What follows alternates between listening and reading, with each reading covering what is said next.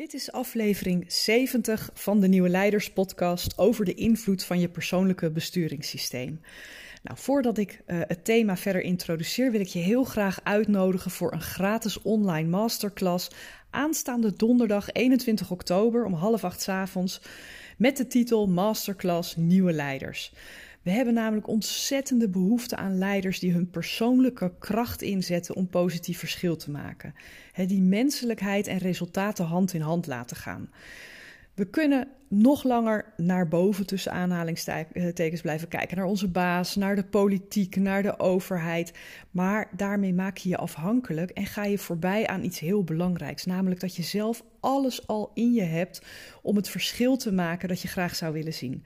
Nou, in de masterclass, die ongeveer vijf kwartier duurt, um, uh, geef ik je een aantal hele praktische inzichten, uh, inspiratie, handvatten, waardoor je aan het eind je persoonlijke toolkit hebt gevuld met instrumenten waarmee je je eigen impact kunt vergroten. Dus ik nodig je van harte uit. Je kunt je gratis aanmelden op mijn website deimplementatiedokter.nl slash masterclass-nieuwe-leiders.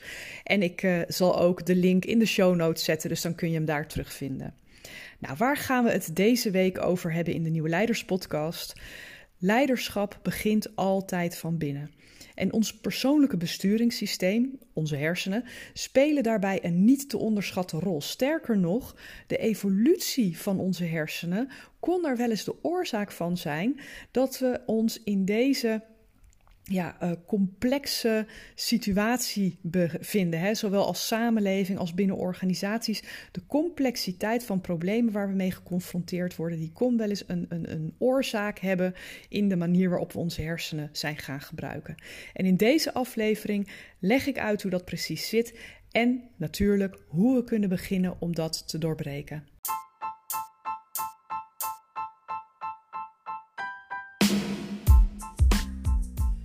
Tijden vragen om nieuw leiderschap. Mijn naam is Petra Kuipers en vanaf deze plek neem ik je mee op onderzoek naar hoe we nieuwe vormen van leiderschap kunnen ontwikkelen in organisaties, in teams en, niet in de laatste plaats, bij onszelf.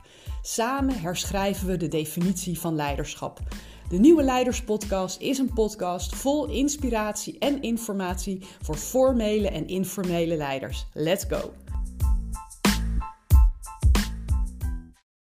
Er is één thema waar we wat mij betreft uh, niet genoeg over nadenken als het gaat over leiderschap. En dat is ons eigen persoonlijke besturingssysteem, ook wel bekend als onze hersenen. Um, de evolutie van onze hersenen kon namelijk nog wel eens een oorzaak zijn voor de huidige complexe problemen waar we tegenaan lopen. En tegelijkertijd biedt het inzicht hoe dat precies werkt een kans om onszelf anders te gaan bedraden, zodat we constructiever om kunnen gaan met de uitdagingen waar we in deze tijd tegenaan lopen. En dat klinkt misschien een beetje vaag of ingewikkeld, maar het valt in de praktijk best mee. We beschikken namelijk als mens over twee hersenhelften en die zijn niet precies elkaars tegenbeeld. Ze verschillen in opbouw, maar vooral ook in de taken die ze uitvoeren. Dus uh, spreken, logisch nadenken, dat doen de meeste mensen met hun linker hersenhelft, of voornamelijk met hun linker hersenhelft moet ik zeggen. Terwijl we dingen als gevoel, ruimtelijk inzicht vooral vanuit onze rechter hersenhelft aanpakken. En dat verschijnsel dat noemen we ook wel lateralisatie. Allebei die hersenhelften hebben weliswaar hun eigen specialisatie, maar dat betekent zeker niet dat ze die taken helemaal autonoom uitvoeren. Hè? Wel dat een van beide hersenhelften dominant is bij het uitvoeren van de betreffende taak. En dan heb je iets dat heet uh, de hersenbalk, het corpus colossum wordt dat ook wel uh, in formele termen genoemd. Dat is een bundel van zenuwen die de hersenhelften scheidt en die fungeert als een brug tussen beide hersenhelften. Nou, er is een heel bijzonder uh, uh, onderzoek en, uh, gedaan en een boek geschreven door een psychiater, McGilchrist. En ehm, die heeft gekeken naar de hersenhelftdominantie in onze maatschappij. Dat boek dat heet The Master and His Emissary. En daarin beschrijft hij verschillende manieren waarop onze linker en hersen, uh, linker en rechter hersenhelft um, met prikkels van buiten omgaan. En hoe dat onze manier van kijken en denken in de afgelopen 2,5 millennia heeft beïnvloed. wat hij stelt, is dat het niet zozeer gaat over wat die hersenhelften doen, maar om hoe ze dat doen honderden experimenten waarbij één hersenhelft beschadigd of tijdelijk lamgelegd was, hebben laten zien dat elke hersenhelft een eigen beeld vormt van de buitenwereld. Zo uh, heeft hij hele mooie verhalen in dat boek staan hoe mensen met een beschadiging van de rechter hersenhelft, waarbij dus vooral de linker hersenhelft alles heeft overgenomen, die eten alleen maar de rechterhelft van hun bord leeg, totdat iemand hun bord een halve slag draait en daardoor eten daarna eten ze de andere rechterhelft leeg. En de linkerhelft van de wereld, die lijkt bij deze mensen eigenlijk helemaal uit hun wereld te, uh, te verdwijnen. Hij beschrijft ook een situatie hoe patiënten aan verplegers vragen of ze die uh, al dan niet verlamde arm die links van hun in dat bed ligt, of ze die ook even willen weghalen, want die is niet van hun. Uh, voor die patiënten is spraak geen enkel probleem, want dat zit in de andere her rechter hersenhelft opgeslagen. Maar metaforen of niet letterlijk bedoelde taal, daar kunnen ze helemaal niks meer mee. dus een, een, opmerking die je maakt van God is hier een beetje benauwd, die vatten zij heel letterlijk op, in plaats van een, als een beleefd verzoek om even een raam open te zetten. Kijk je naar patiënten die links een hersenbeschadiging oplopen, dan is de situatie heel anders zij gaan vooral met hun rechter hersenhelft denken. Zij ervaren de hele wereld nog als een intacte eenheid. Maar ze raken hun woordenschat vaak kwijt. En dat geldt trouwens niet om hun capaciteit om gedachten te vormen. Alleen um, kunnen ze die door het verlies van, van hun woordenschat maar heel moeilijk uiten. Voor de linker hersenhelft is de wereld lineair. Het is gestructureerd. Het is talig. En het heeft een eindig aantal mogelijkheden die je bovendien ook nog kunt berekenen. de linker hersenhelft is echt toegerust om gedetailleerde, stabiele uh, ja, modellen van de huidige werkelijkheid te maken. En dat is natuurlijk ontzettend praktisch. ze bieden het gereedschap om effectief met de werkelijkheid om te gaan, maar die ook beheersbaar te maken. Kijk je naar de rechter hersenhelft, dan uh, ervaart dat op een hele directe manier de levende, steeds veranderende, ongrijpende, uh, ongrijpbare werkelijkheid. dit is de vragenstellende kant, de meer empathische kant van ons brein. Ze is gericht op de ander, op de uh, het andere, hè, dingen die anders zijn, op het onverwachte, op dingen die niet kloppen. Maar het is dus wat abstracter. Het gaat over het waarnemen van perspectief in tijd en ruimte, het herkennen van gezichten. Uh, het slimme onbewuste, hè, dat speelt in die rechter hersenhelft de hoofdrol. Dromen is bijvoorbeeld ook een activiteit van je rechter hersenhelft. Allebei die helften hebben evolutionair nut. De linker hersenhelft richt zich op losse delen van een probleem. Je kan het uit de context halen, dan kan je het helemaal fileren. In een soort gesloten, geïsoleerd systeem kan je het helemaal uit elkaar rafelen, ontleden en kijken waar de angel zit. En dat helpt ons natuurlijk bij het analyseren en vinden van een oplossing voor een probleem. Maar dat is alleen een oplossing in die context van dat geïsoleerde, gesloten systeem. En niet in een levend, zich continu ontwikkelend, complex en veranderend systeem, zoals bijvoorbeeld een organisatie of een samenleving. Volgens dezelfde theorie richt die hers rechter hersenhelft zich op het hele probleem door het perspectief te verbreden, door verbanden te kunnen leggen, door het vraagstuk in een, in een open systeem waar te nemen. Hè? Uh, het zoekt naar context, uh, het denkt creatief, het vergaart meer begrip. En het is zowel de kennis van de delen als de wijsheid van het geheel die we nodig hebben om effectief met complexe vraagstukken om te gaan. En als we ergens een tijdperk hebben gehad waarin uh, de complexiteit van de vraagstukken enorm is, ja, dan is het wel vandaag de dag. En volgens uh, diezelfde uh, psychiateronderzoeker McGilchrist danken we het aan de gave van de linker hersenhelft om de wereld te vereenvoudigen hè, en om het in taal te vatten, dat we in de afgelopen eeuwen, en met name sinds de industriële revolutie, de technologie hebben waarmee we de wereld steeds meer naar ons hand kunnen zetten. met de linker hersenhelft zijn we in staat om informatiemodellen te maken. Daarmee kunnen we de complexe werkelijkheid behapbaar en controleerbaar maken. En het geeft, die manier van denken, die geeft ook zoveel technische en functionele voordelen, dat we die oplossingen die we daarmee bedenken in de loop van de tijd steeds meer de voorkeur zijn gaan geven boven de waarden die onze rechter hersenhelft vertegenwoordigt. Die zijn uh, door de abstractie moeilijk onder woorden te brengen en bovendien zijn ze heel contextgevoelig.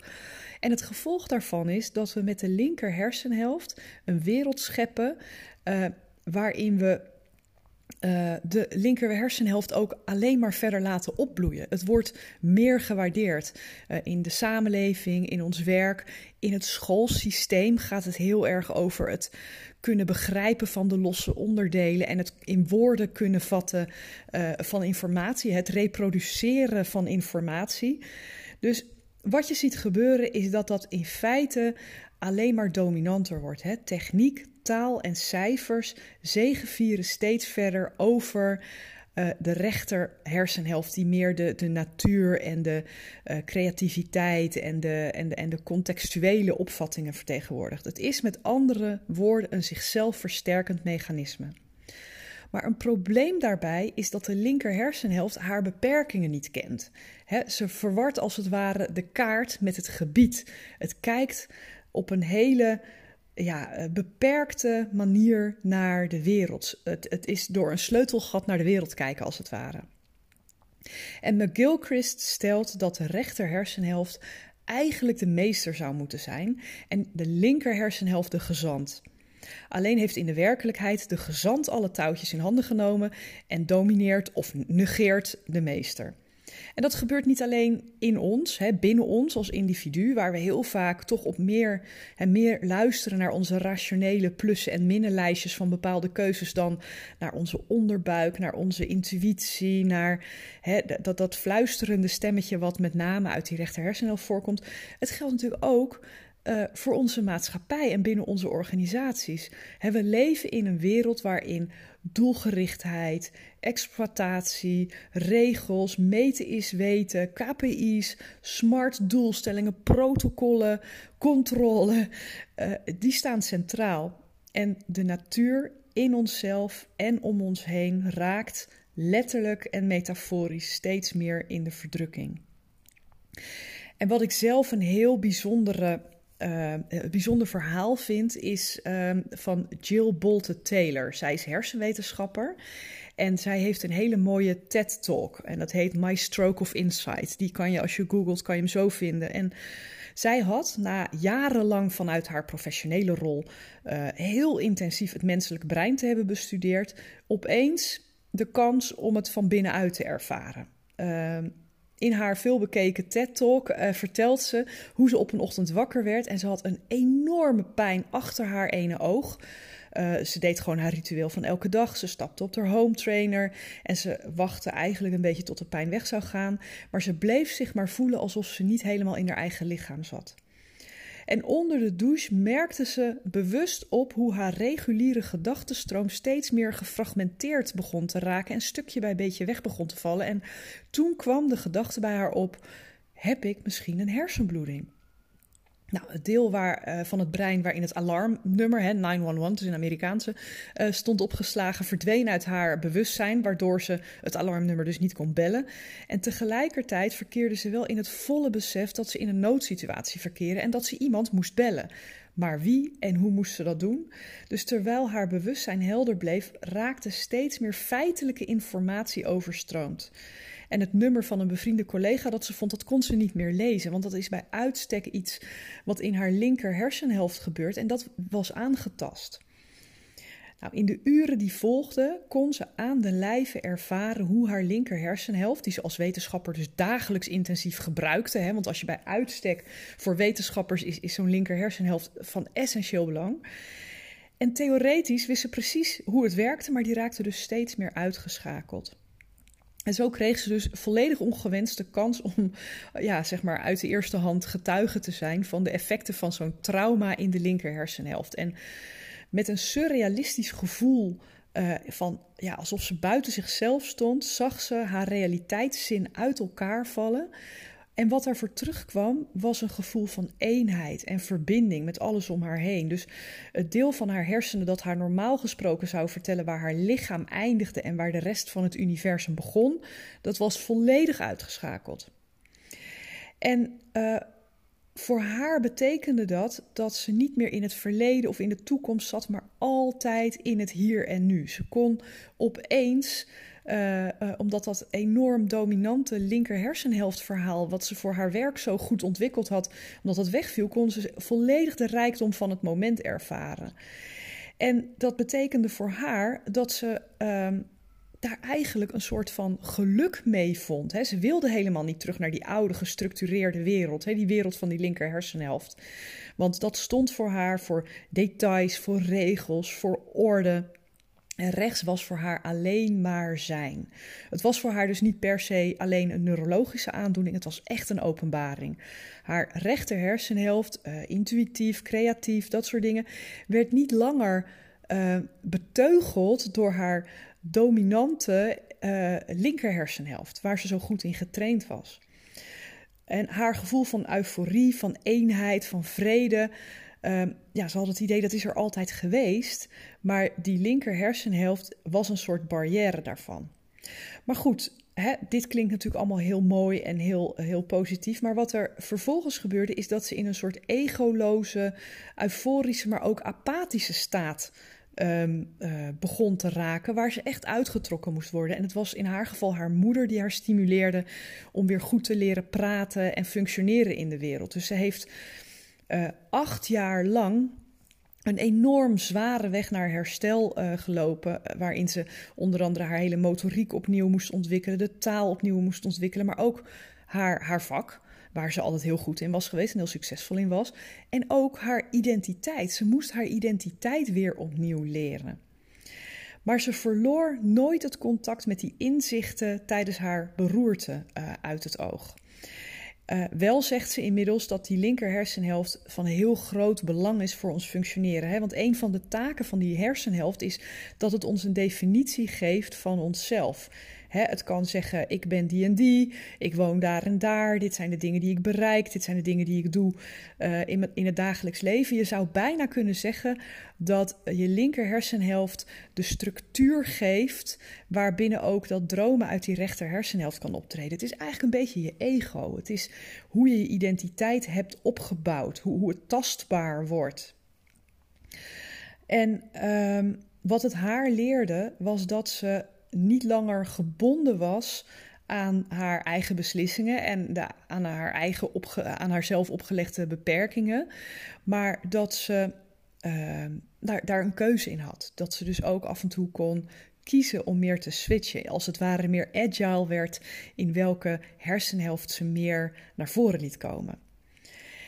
En als je even uitzoomt van deze twee verhalen, dus van McGilchrist en het verhaal van uh, Jill Bolt Taylor, dan zie je dat de kwaliteiten van de linker hersenhelft ons echt in staat hebben gesteld om een beschaving te vormen met geavanceerde technologie, met rationaliteit, met beheersbaarheid. En dat heeft ons ook een gevoel van maakbaarheid en controle gegeven over onze wereld. En dat is natuurlijk best aangenaam en geruststellend, want de wereld kan best een gevaarlijke plek zijn. Tegelijkertijd vermindert die dominantie ons vermogen om nuances te zien, om uh, interactie aan te gaan, de dynamieken, de subjectieve gevoelens en het grotere geheel goed waar te nemen. Het sluit ons voor een deel af van de echtheid van het leven. En intuïtief weten we dat het leven niet alleen maar bestaat uit een paar bouwstenen die we kunnen meten en controleren om zo steeds efficiënter en effectiever te worden. Het kan best houvast geven om te geloven dat alles gekwantificeerd kan worden en dat je het in nette, nette doosjes kan stoppen, hè? of dat je het kan vertalen naar getallen die je weer in een Excel kan verwerken. Maar het is natuurlijk niet hoe het leven echt werkt. En omgaan met complexiteit en niet weten, dat vraagt van leiders om beide te omarmen. Het begrip van die losse onderdelen, maar ook hoe die interacteren.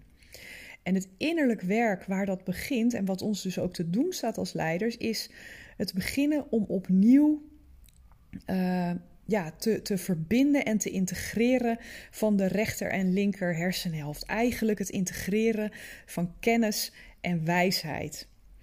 En uh, een van de dingen die, die Jill Bolte Taylor daarover zegt um, in een interview is. Um, als je aandacht besteedt aan wanneer je vreugdevol bent, als je, als je lacht, als je in een staat van een soort innerlijke vrede bent, ga dan ook heel erg voelen hoe dat is in je lichaam, zodat je dat ook later weer kan oproepen. He, zij zegt: vervolg dan, eh, vervolg dan dat gevoel, probeer dat af en toe actief weer op te roepen en actief dat circuit in je hersenen te activeren, omdat je nu weet waar het zit. Je hebt met andere woorden veel meer invloed op het functioneren van je hersenen dan je op het eerste gezicht denkt. Want het brein verandert ook voortdurend. Je, je, leert continu nieuwe informatie, je maakt associaties met de informatie die er al in zit. En als dit alleen al het effect is van onze dagelijkse informatieverwerking, moet je eens indenken wat het kan doen als we bewust kiezen voor een strategie waarbij we uh, focussen op, op wat we willen bereiken. we hebben het vermogen en de macht om te kiezen waar we over willen nadenken. We hebben uh, het vermogen om onze geest te concentreren op de dingen waar we op ons willen concentreren. En als onze geest onbewust gefocust is op iets waar we niet aan willen denken, hoeven we alleen maar aan iets anders te denken. En natuurlijk klinkt dat makkelijker gezegd dan gedaan, maar juist het integreren van die twee hersenhelften door ook veel meer weer te gaan waarderen uh, nou ja, hoe systemen werken, hoe de context van invloed is op het totaal. Door af en toe uit te zoomen en niet alleen maar te kijken naar de cijfers, de data, maar die ook in, in de bewegende, complexe context te plaatsen, vinden we veel adequatere antwoorden op de problemen waar we nu mee te maken hebben. Nou, ik hoop dat dit verhaal uh, je aan het denken zet, uh, zowel met links als met rechts. Laat het me weten. En uh, dan spreek ik je heel graag weer bij de volgende aflevering. Dankjewel voor het luisteren naar de Nieuwe Leiders Podcast. Was deze aflevering waardevol voor je? Door hem te delen of een recensie achter te laten, help je nog veel meer mensen om de Nieuwe Leiders Podcast te vinden. En vergeet niet de podcast te volgen zodat je niets meer mist. Ik tref je graag bij de volgende aflevering.